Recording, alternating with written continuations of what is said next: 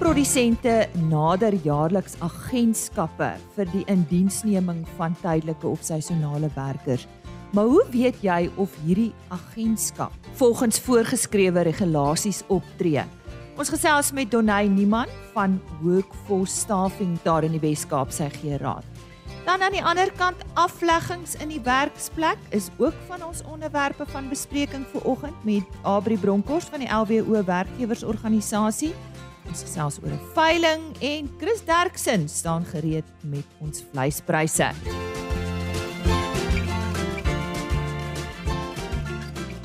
Dis Lise Roberts wat groet so lekker vroeg op hierdie donderdagoggend. Hartlik welkom by RSG Landbou. Nou vir die wat wag vir ons weersake, Ongelukkig is Johan van der Berg tans uitstedig. Hy sal weer volgende week hopelik terug wees met nog weer nuus. So ongelukkig het ons nie ver oggend nuus oor ons weer wat voorlê nie. Ons uh, vertel jou wel wat hierdie maand en dit is Augustus maand in die Stokfarm tydskrif te lees is en daarvoor sluit ons aan by die redakteur van Stokfarm Isak Hofmeyer. Dag sê hier uit die Stokfarm hoofkwartier. Ja, dis weer sulke tyd. Die Augustus uitgawe van Stokfarm is nou op die rakke en ek deel graag 'n paar van die onderwerpe wat in hierdie uitgawe aandag kry. Op die voorblad het ons die maand 'n pragtige span jong kalvers met hulle moeders in die agtergrond. Die voorblad storie gaan dan ook oor kalver kruipvoer. Waarom en wanneer sou 'n mens kruipvoer aan jou kalvers wou voorsien? Ander voorbladstories gaan oor die stygings in die prys van voer en roumateriaal, organiese melkproduksie, koggelramme, lambestuur, die belangrikheid van grondontledings, geilsiekte, brein-maagwurm en dan die wenslikheid of dan nou nie van vroeë speen. Wat is die belangrikste faktore wat die prysstygings in veevoer veroorsaak? Mens sou dink sekerlik dat dit die prys van grane en oliesade is, want dis tog die hoofbestanddele van 'n veevoerrantsoen. Wel nee. In 'n studie deur drie wetenskaplikes by die Universiteit van die Vrystaat, professor Jonas Bata, Dr. W.A. Lombard en Dr. Walter van Niekerk, blyk dit dat die drie veranderlikes wat die grootste invloed op veevoerpryse het, arbeidskoste is saam met elektrisiteit en kunsmispryse. Gegee die huidige situasie rondom hierdie drie faktore in die land, kom hulle dan tot die gevolgtrekking dat veevoerpryse in die afsienbare toekoms in 'n opvaarte fase gaan bly. Met beurtkrag aan die orde van die dag en die prys van elektrisiteit wat na verwagting drasties sal bly styg, oorweeg al meer boere opsies om totaal onafhanklik van Eskom te raak. In 'n baie interessante artikel steek ons streeksverteenwoordiger in die Oos-Kaap, Karen Venter, kers op by 'n paar boere in die Karoo wat die paadjie al geloop het om hulle eie elektrisiteit op te wek. Dis waardevolle leesstof vir enige iemand wat dit oorweeg om dieselfde paadjie te loop. Iemand het eendag gesê as jy nie grondontledings laat doen nie, moet jy jou kop laat lees. Maar as jy 'n klomp geld op kunsmis spandeer op grond van swak grondontledings, sal 'n kopdokter nie meer vir jou help nie. Dis hoe belangrik goeie grondontledings is. Die probleem wat toenemend op besproeide weidings veral op melkplase na vore kom is die effek van oorbemesting. Nie net op die omgewing en op jou diere nie, maar definitief ook op jou sak. Lees in hierdie artikel oor die waarde van grondontledings en effektiewe kunsmistoediening wat jou benadering rondom grondontledings behoort te wees. En dan met die lente net om die draai, dink ek 'n goeie plek om af te sluit is om gou na 'n artikel oor geilsiekte te verwys. Diere kry geilsiekte as hulle verlepte groen lote eet. Lees hoe om hierdie toestand te voorkom en hoe om die diere te behandel wat dit opdoen. Dis dan net 'n klein voorsmaakie van alles wat in die Augustus uitgawe van Stokfarm aangebied word. Hy's nou op die rakke, moet hom nie misloop nie. Groetnis tot volgende keer. En so sê die redakteur van die Stokfarm tydskrif Isak Hofmeyer. Ons gesels nou oor 'n veiling van 9 Augustus en soos uh, ek al op 'n vorige keer genoem het, dis besig op die veilingsfront Julie en Augustus in Suid-Afrika. Ek gesels met Erik Strauss nou. Hy praat oor die uh, Highbat Bonsmaras. Nou hulle is 'n gasverkoper op Jericho Bonsmaras se uh, produksieveiling. Erik, vertel nou eers vir ons, uh, verduidelik vir ons hoe werk die betrokke veiling. Ehm um, julle is nou twee verkopers, uh een gasverkoper, ja. daar kan jy ons net so in die prentjie sit môre. Ja, ek gaan jou ek gaan jou so verduidelik. Ek is ek is Erik Strauss met Jarico Bonsmaras. Ja. En dan hou ons uh, uh hoe kan ek sê dan uh, dan Christian Geier is ook deel van die veiling. Hy's Heimat Bonsmaras. Goed. So uh, my my my Bonsmara naam is Jarico Bonsmaras en dan gebruik ons gasverkopers soos Chris Welman Dik Dorings Bonsmaras en Johan Botma is B3 Bonsmaras almal van hulle en dan is daar nog Jaco Strydom wat ook vroulike diere op hierdie veiling aanbied. So -hmm. ons is ek is die hoofverkoper Jarico Bonsmaras en dan die res is almal gasverkopers op die 9de Augustus. Ehm um, waar van die veiling plaas is julle dan almal in daai omgewing? Ja, dit vind uh op die plaas Kareeboom in in die Brandfort distrik op die pad tussen Brandfort en Wildfontein. Sal uh, die mense die borde kry, die plaas se naam is Kareeboom en al die kopers is in hierdie pol van Brandfort. Uh so almal is naby die veiling en uh ons ons kyk ook maar na back and flow sodat ons geïs, ons is geïsoleerde uh, kuddes so ons uh, is almal naby mekaar uh, vir die veiling. Hmm. Erik en wat is die aanbod en dalk so iets oor die diere waarin voornemende kopers sal belangstel? Ja, ons het hierdie jaar regtig 'n mooi groep uh, bees. Ons het uh, die bulle is 35 bulle wat ons aanbied, uh, SP bulle en dan die vroulik het ons 'n hele klomp vroulike diere. Byvoorbeeld het ons uh eerste kaal 10 eerste kalf koeie met kalvers. Uh goed, ons het uh 3 in 1 het ons 5 3 in 1. Dan het ons 40 dragtige koeie, swaar 6 tot 5 tot 6 maande dragtig en dan het ons 200 dragtige perse en ons het 50 oop verse die dag met die veiling. Wie bied hierdie veiling vir julle aan? BKB Kroonstad bied dit aan. Uh dis die eerste jaar wat BKB dit aanbied op die plaas Kareboom en uh Loukie Besuitnout is die kontakpersoon en ek gee sy selnommer. Seker? 08 Loukie Besuitnout. Goed, seker, gee vir ons sy nommer. En dan hy's 082 82 77443. Goed, Loukie besluit nou, herhaal net vir ons daardie telefoonnommer en hy is van BKB asseblief Erik. En sy nommer is 082 82 77443. En so sê Erik Strauss, hy het vandag gesels oor uh, Haibat Bonsmaras en Jarico Bonsmaras se veiling van 9 Augustus en soos hy gesê het, dis daar op die plaas Kareeboom in die Brandfort distrik. En uh, kom ek gee net weer Loukie Besuit nou se telefoonnommer van BKB 082 82 77 443. As jy nou eers ingeskakel het, goeiemôre. Jy luister na RSG Landbou. Baie welkom. En nou gesels ons oor afleggings met die LWO werkgewersorganisasie en ek verwelkom graag vandag vir Abri Bronkhorst. Abri, jy was lanklaas hier by ons. Ek was, goeiedag Lise. Ja. Baie dankie, is lekker om weer by julle te wees. 'n Minder lekker onderwerp om oor te gesels, maar ehm um, on, ons moet seker daaroor gesels veral in landbou ook, né? Korrek. Daar sê. Op watter punt besluit 'n besigheid gewoonlik om afleggings te doen?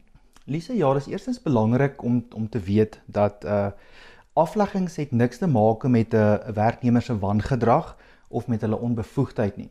Dit kom dis 'n proses wat neerkom wanneer 'n besigheid ehm um, weens hulle ekonomiese, strukturele, uh tegnologiese of enige ander soortgelyke vereistes uh plaasvind in 'n besigheid. Dan staan so 'n proses bekend as 'n uh, besigheid se operasionele vereistes en dit ehm um, staan ook bekend as afleggings op die einde van die dag. So dit is dan ehm um, wat besighede dan ehm um, daartoe lei om afleggings ehm um, te laat plaasvind. So so wat is dan die eerste stap wat die werkgewer moet doen voordat hy 'n werknemer laat gaan of af lê. Ja.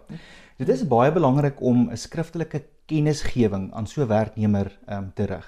Hierdie skriftelike kennisgewing moet voldoen aan artikel 189 van die Wet op Arbeidsverhoudinge. Ehm um, dit kan as tweeledig beskou word. Hierdie kennisgewing ehm um, stel die werknemer in kennis van die voorgenome aflegging en dan het dit ook sekere wetlike vereistes en statutêre vereistes ehm um, eintlik wat ehm um, die werkgewer dan met die werknemer moet konsulteer en die werknemer kry dan kans om voor te berei vir hierdie uh konsultasie.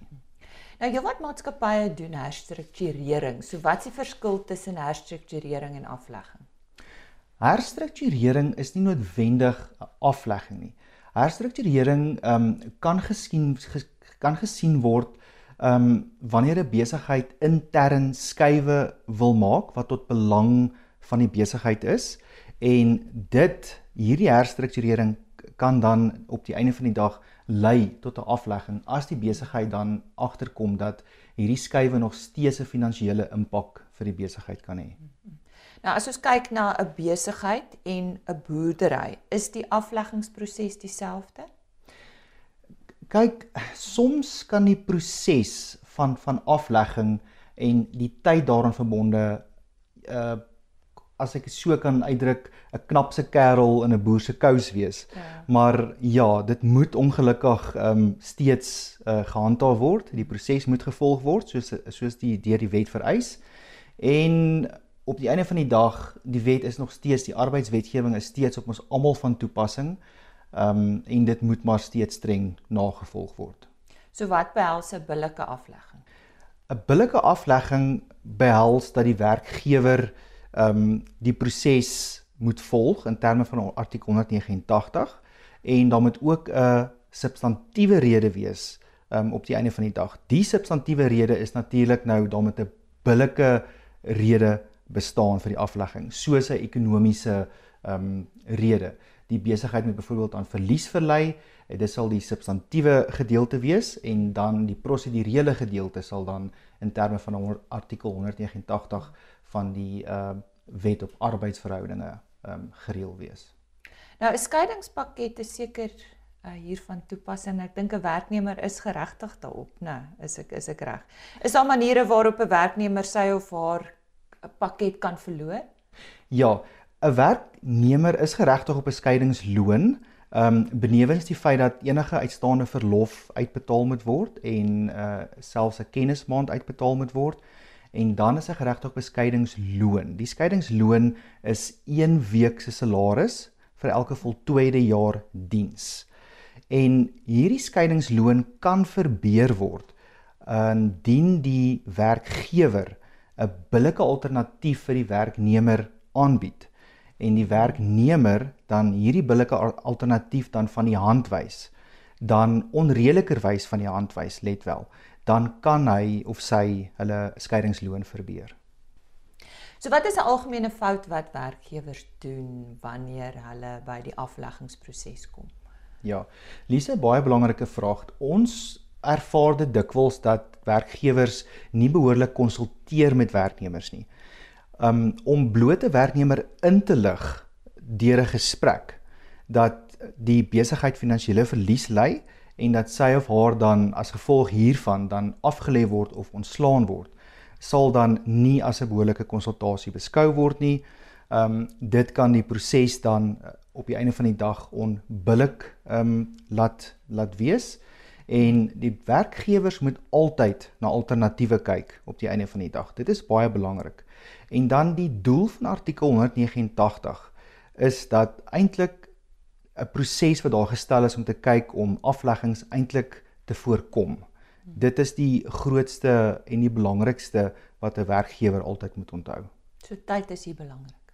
Vroegtydig. Vroegtydig en tyd. Daar sê. Ja. Abri baie dankie. Groot plesier.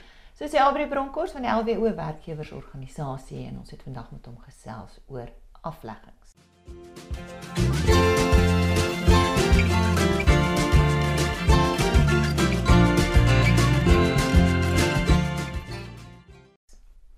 Nou tyd vir ons vleispryse en soos altyd aan die woord Chris Derksen. Môre Chris. Goeiemôre Lisa en al ons medeboere. Gee graag vir julle ons markverslag vir die 3 Augustus. Dis belangrik dat getalle baie laag is. Pryse is relatief stabiel en ons verwag eintlik pryse moet begin opgaan het nog nie reg gebeur nie, maar ons sal julle op hoogte hou. Ek gee vir julle hierdie week se pryse. Speenkalvers onder 200 kg het gaan vir R40.62 per kilogram lewendig van 200 tot 250 kg R38.48 en oor 250 kg R36.47. A klasse was R34.15, B klasse R26.13 en vetkoeie R25.73. Maar koeie het gewissel van R17 na R21.70 en slagbulle was weer R26 waar hulle maar altyd lê. Skape was stoorlammetjies R55 en ek sou regtig graag wou sien as al hierdie vet skape wat opgekoop is om op die sojaboonlande te loop terugkom in die mark einde November en ons sal dit dophou en julle laat weet. Slaglammers was R46.53. Stoorskape R39.85 en vetskape R35.11. En vanaf die bokmark, lammetjies R62, 'n baie mooi prys en ooe R45 presies. Verder is daar nie regtig dramatiese kommentaar nie en ek hoop die getalle neem toe sodat ons hier 'n beter aanduiding van die markte kan gee. Baie dankie. En so sê Chris Derksen en hierdie pryse is natuurlik vleispryse wat behaal is by veilinge in die Noord-Vrystaat. www.vleisprys.co.za indien jy graag weer na hierdie pryse wil gaan kyk. Talle van ons produsente of plaaseienaars maak van 'n agentskap of maatskappy gebruik om tydelike of seisonale werkers in diens te neem. Daar's natuurlik 'n paar vereistes en regulasies waaraan hierdie agentskap of maatskappy moet voldoen. En daar's ook voordele in hierdie verband. Tonay Niemand, verkoopsbestuurder van Work Force Staffing in die Wes-Kaap. Vertel ons nou hiervan. Tonay, welkom by RC Landbou. Dankie Lisa en welkom aan al aan jou en al die luisteraars. Waarom maak boere of plaaseienaars staat op agentskappe vir die indiensneming van tydelike of seisonale werkers? Lisa, enige boer of plaaseienaar wat van tydelike arbeid gebruik maak, kan een van twee dinge doen. Hy kan self die arbeid kontrakteer en alle funksies self doen wat daarmee gepaard gaan of 'n maatskappy aanstel wat spesialiseer in tydelike arbeid. Ehm um, die maatskappy sal uiteraard seker maak dat alle wetlike aspekte nagekom word sowel as vrywarings wat gepaard gaan met seisonale indiensneming. Nou watter onwettige praktyke word deur sekere ehm um, agentskappe of organisasies uitgeoefen? Ek dink daar is moontlike verskil tussen onetiese praktyke en onwettige praktyke, maar as ons gaan kyk na onwettig om 'n paar te noem, um, om onder die minimumloon te betaal, onwettige aftrekkings, nie nakoming van betalings aan uh, UIF of WCA nie, nie nakoming van sekere bepalinge van die wet op basiese diensvoorwaardes nie, as ook die wet op arbeidsverhoudinge. Natuurlik dan ook die diensneming van onwettige buitelandse arbeid is besig om ernstig gesprek te word as ook ongeregistreerde arbeidsdienste verskaffers wat gebruik maak van onwettige buitelandse arbeid. Ehm um, ek dink ons sien ook al hoe meer ongelisensieerde arbeidsverskaffers wat vergoeding vra vanaf die werknemer sodat hy kan werk. Ehm um, en dit voorkom dat die werknemer die wetlike loon betaal word want agter die skerms word hy 'n fooi gevra hmm. om te kan werk. Hmm. Wat wat is die gevolg hiervan vir die werkgewer? Groot finansiële blootstelling as ook moontlike boetes. In landboukringe kan dit natuurlik die uitsluiting op 'n negatiewe impak op die uitvoer van produkte hê as daar dan nie nakoming met met die minimum wetlike asook etiese bepalinge is nie. Hmm. Verskeie indiensneming van onwettige buitelandse arbeid kan ook lei tot tot groot industriële aksies wat ons al verskeie kere in die verlede gesien het in sekere ehm um, landbougemeenskappe. en veral in gemeenskappe waar die werkloosheid en die ar armoede syfers so hoog is. Hmm. En en hoe beïnvloed dit die tydelike werknemer seisonale werker? Binne die driehoekige verhouding tussen die arbeidskontrakteur, die kliënt wat die boer is en die werknemer word alle partye vreeslik beïnvloed indien onwettige praktyke beoefen word. Groot boetes kan mos nou hierdie ondernemings finansiële beskadig, finansiëel beskadig wat beteken dat minder fondse beskikbaar is vir die gemeenskap, vir projekte vir die gemeenskap en ook om natuurlik 'n goeie loon te bepaal, betaal as ook moontlike werkskepingsgeleenthede in die toekoms. Wat watter wetgewing is hier van toepassing en en wat beteken dit nou vir 'n plaaseienaar? Verskeie stukke wetgewing Lisa is van toepassing. Ons dink maar nou net hierso aan die wet op basiese diensvoorwaardes, die wet op arbeidsverhouding, maar en dan is daar nog ander wetgewing ook, maar dan is daar ook verskeie nie-wetgewende organisasies wat in sekere industrieë proaktief is in die bewusmaking en bevordering van etiese diens dienslewering en handel deur middel van opleiding, tegniese assesserings en audits. So hierdie akkreditasie soos Vita en CISA word wêreldwyd erken en word beskou as minimum vereistes vir sommige internasionale kommoditeitskopers. So as jy nie akkreditasie by hierdie organisasies kan kry nie as gevolg van jou onetiese arbeidspraktyke, gaan dit die uitvoer van jou produk ehm um, beïnvloed. Dierlik. Nou indien 'n boer van so 'n diens gebruik wil maak, wat's belangrik om van kennis te dra voor jy hierdie agentskap aanstel?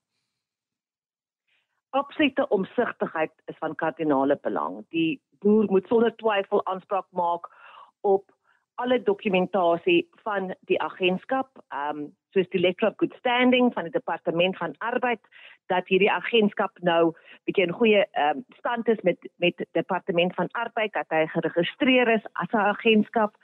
Ehm um, dit verifieer dat die diensverskaffer geregistreer is en op datum is met UIF, WCA en al die wetlike oorbetalings wat gemaak moet word. Hmm. En dan moet die boer verwysings nagaan om te verseker dat die diensverskaffer ehm, 'n um, goeie reputasie het en die nodige operasionele vermoë het om kwaliteitwerwing te kan doen en om te verseker dat alle werkers SA burgers is en die wat nie is nie se permitte wel geverifieer is. So indien 'n agentskap nou aan hierdie wetlike vereistes voldoen, watter voordele hou dit in vir die boer?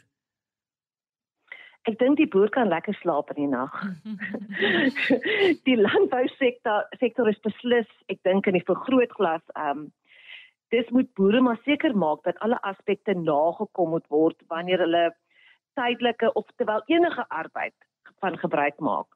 'n Agentskap wat voldoen aan die minimum wetlike vereistes beskerm die boer as ook enige onderneming se reputasie, sy sak Hmm. absorbeer risiko's wat andersins op die boer se skouers sal val. Ehm um, so statutêre vereistes waar weet jy werkers vergoeding betaal word uh nadat hy moontlik in 'n ongeluk beseer is. Ek hmm. dink dit laat hom net toe om lekker te kan slaap in die nag. Ek het daar gesels met Donay Niman. Sy is verkoopsbestuurder by Workforce Staffing daar in die Wes-Kaap. En uh, indien jy meer inligting benodig, kontak hulle gerus by info by workforcestaffing.co.za. Ek spel net daardie workforce, dit is W O R K F O R C E S T A F F I N G. info by workforcestaffing.co.za. Vir ons groet net 'n brokkie goeie nuus. Die Suid-Afrikaanse Vereniging van Vleisinvoerders en Uitvoerders het die opskorting van teenstortingsregte op pluimvee wat vanaf Brasilië, Spanje, Pole, Ierland en Denemarke ingevoer word, verwelkom. Hierdie skorsing is van toepassing vir 'n tydperk van 12 maande. Volgens die vereniging is hierdie besluit 'n groot oorwinning vir miljoene Suid-Afrikaanse verbruikers se sakke. Dit kom nadat 'n regerings reg oor die wêreld invoertariewe verlaag het. Mexiko, die Filippyne en Suid-Korea het tariewe op ingevoerde goedere verwyder in 'n poging om die impak van stygende inflasie op hul mense te beperk. Dit sluit hoenders in. Die Verenigde State oorweeg dit ook om sy tariewe op verskeie goedere te skrap. Dit is dan vandag se RSG Landbou en ook my kuier saam met jou vir hierdie week. Onthou RSG Landbou van my kant af maandag tot donderdag 5uur tot 06:30 www.agriorbit.com daar word ons onderhoude afsonderlik gelaai. Jy's baie welkom om te gaan kyk. Bo aan die bladsy onder podcast, soek net vir RSG Landbou en daar word al ons onderhoude gelys.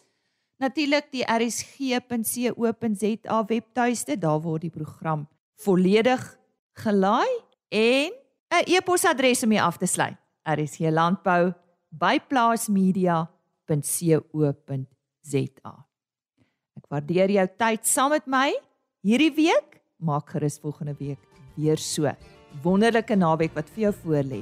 Totsiens. RSG Landbou is 'n plaas media produksie met regisseur en aanbieder Lize Roberts en tegniese ondersteuning deur Jolande Rooi.